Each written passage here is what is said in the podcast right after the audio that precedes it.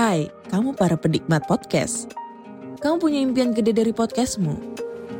Terus First Story bisa banget bantu kamu. Mulai dari F-Link, Dynamic Audio Insertion, sampai statistik yang komprehensif.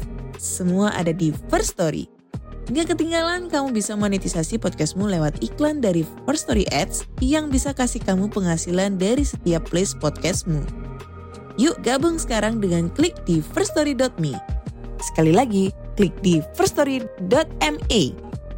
Mari kita bawa mimpi podcastingmu menjadi kenyataan.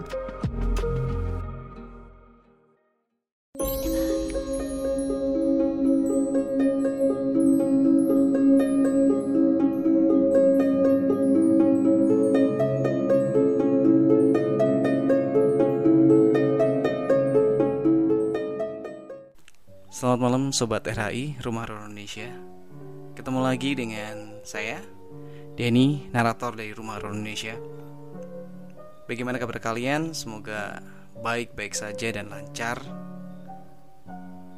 Teman-teman semuanya Hari ini saya akan membacakan sebuah cerita horor Yang merupakan kumpulan cerpen horor dari Mas Ahmad Fajar 830 Sebuah akun Wattpad yang kalau kalian pengen baca sendiri ceritanya akan saya berikan linknya di deskripsi. Oke langsung saja. Bro, aku gak setuju kalau kamu buat konten prank ojol lagi. Kasihan mereka. Mau berapa ojol lagi yang kamu kerjain? Kata Aryo dengan nada sengit. Halah, mereka hanya ojol. Apa hebatnya kerja di ojol? Kata Bimo santai. Oh, jadi mentang-mentang lo sudah banyak dapat AdSense, lo mau berbuat seenak perut lo. Hati-hati, entar lo kena karma, kata Aryo. Karma? Apaan? Gue kagak percaya, kata Bimo dengan santainya. Ya oke lah, semoga lo berhasil, kata Aryo langsung pergi meninggalkan temannya. Aryo merasa kesal dengan Bimo. Temannya kerap berbuat keterlaluan. Bagi Aryo, Profesi ojol bukanlah profesi yang patut dipermainkan, walaupun sebagian orang memandang profesi ojol dengan sebelah mata karena dianggap profesi rendahan, biarpun menggunakan gadget canggih. Sementara itu, Bimo sedang mengatur skenario prank untuk sosmednya. Hmm, kira-kira enaknya ngeprank apa nih yang seru? Pikirnya sambil mencari ide. Sejenak Bimo mengenyitkan dahinya dia tengah berpikir keras supaya kontennya viral. Setelah agak lama, dia berpikir. Dia menemukan ide. Bagaimana kalau nanti gue pesen GoFood, tapi antarnya di tengah kuburan? Pasti seru nih. Katanya dalam hati sambil tersenyum puas. Bimo menyiapkan naskah jebakan. Dia menggunakan HP satunya untuk memesan layanan GoFood dengan akun bodong. Setelah selesai mengeset akun bodong, dia menghubungi teman satu timnya. Reno, gue ada ide nih buat prank malam nanti. Lu siapin tim untuk eksekusi. Gue tunggu kedatangannya di kosan gue, kata Bimo melalui telepon. Oke, gue siap, kata Reno sambil menutup teleponnya. Bimo tersenyum puas. Wow, pasti seru nih. Gue gak sabar melihat ojol lari terkencing-kencing, kata Bimo dalam hati. Tak lama kemudian, Reno dan dua orang temannya datang. Reno datang bersama Winda dan Leo. Ketiga teman Bimo ini memang sering kali mengerjai orang. Ketiganya sangat usil. Bro, lama nih gak jumpa, kata Bimo menyambut Reno dan kawan-kawannya. Iya nih, oh ya, kapan nih bikin konten pranknya? Tanya Reno. Nanti malam saja, di kuburan, kata Bimo. Nah, terus skenario gimana? Tanya Leo. Bimo tersenyum manis. Dia tunjukkan skenario penjebakannya. Begini, nanti aku pura-pura pesan layanan food. Lalu aku arahin titiknya ke dekat kuburan. Kan di pojokan ada pondokan warung rokok tuh. Mungkin perkiraan Bang Ojol yang pesan penjual rokok. Nah, nanti Winda nyamar jadi kuntilanak yang berdiri di sebelah kios rokok. Pasti nanti Bang Ojol lari terkencing-kencing, kata Bimo menjelaskan idenya. Mereka yang mendengar ide dari Bimo manggut-manggut sambil menahan tawa, membayangkan kelucuan ojol yang ketakutan. Wah, sepertinya seru nih. kata Leo dan Winda sambil tertawa lepas. Oke, nanti jam 9 kita kumpul di dekat kuburan. Bawa kamera yang oke ya, kata Bimo. Akur, jawab Reno dan kawannya bersamaan. Malamnya pada pukul 21, Bimo dan kawan-kawannya berkumpul di depan kuburan. Dilihatnya kios rokok dekat kuburan sudah tutup. Walaupun kuburan tersebut tanpa angker, tapi karena lokasinya di tepi jalan besar, tentu masih ada kemungkinan dilewati orang. Sebenarnya kuburan tersebut tidak angker, hanya karena tidak dirawat, kuburan tersebut tanpa angker. Mereka memasang kamera di beberapa titik, dan Winda yang berperan sebagai kuntilanak bersembunyi di dalam kuburan. Setelah persiapan dirasa cukup, tepat tengah malam Bimo mengeluarkan smartphone-nya dan menggunakan aplikasi untuk memesan layanan makanan. Cukup lama Bimo menunggu driver yang menerima ordernya. Sekitar satu jam dia menunggu umpan.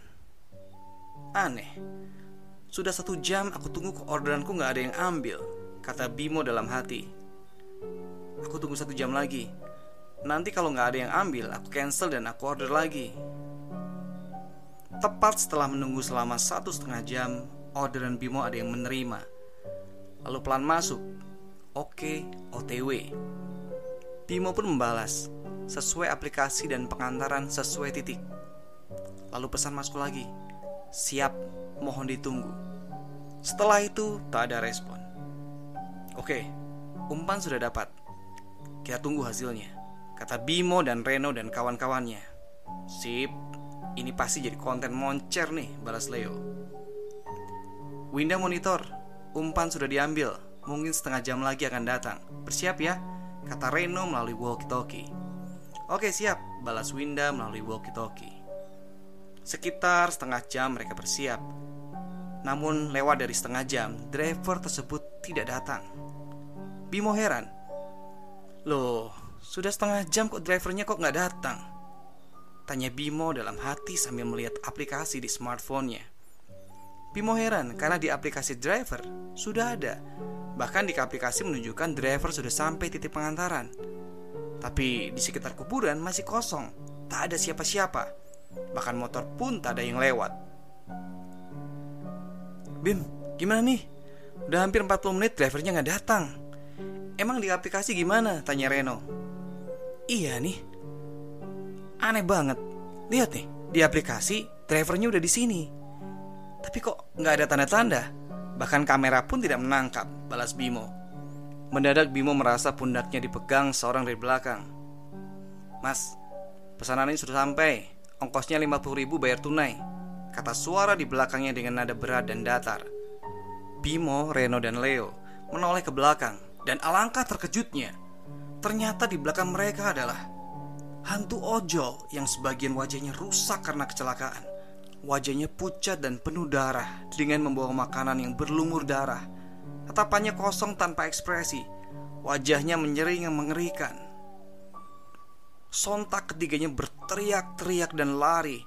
Mereka mau lari, namun saking takutnya mereka tak bisa menggerakkan tubuhnya. Akhirnya mereka bertiga pingsan di tempat. Hantu tersebut menghilang dan orderan yang ada di smartphone Bimo juga hilang, seperti tidak pernah mengorder. Sementara itu Winda yang sudah sembunyi lama merasa heran karena mangsanya tidak kunjung datang. Winda coba mengontak teman-temannya melalui walkie-talkie. Monitor Bimo, monitor, kata Winda. Aneh, kok nggak ada jawaban? Kata Winda dalam hati. Reno, Leo, emang drivernya mana? Ganti. Monitor, Winda, Pesanan sudah datang, balas suara dengan nada datar dan berat. Winda terkejut. Ini siapa ya? Kok suaranya beda? Tanya Winda melalui walkie-talkie. Aku ada di belakangmu, balasnya dengan nada berat dan datar. Winda menoleh ke belakang, dan hantu ojo yang menyeramkan itu tersenyum menyeringai sambil membawa makanan yang telah berlumur darah. Sontak Winda teriak histeris. Begitu ketakutannya hingga tanpa sadar kencingnya keluar bagian bawahnya basah. Saking shocknya, Winda pun pingsan. Keesokan paginya, mereka semua disadarkan oleh orang di sekitaran pemakaman. Mereka berempat masih shock dengan kejadian semalam, terutama Winda. Dia sangat malu ketika warga mengetahui celananya basah karena kencingnya. Akhirnya mereka berempat dipulangkan ke kos Bimo dengan diantar warga. Nah Sobat RAI saya menghimbau ya kita semua bisa menghargai semua profesi Selama profesi itu halal ya itu layak untuk dihargai Oke gitu aja cerita buat malam ini Semoga menghibur kalian semua Sampai ketemu di cerita berikutnya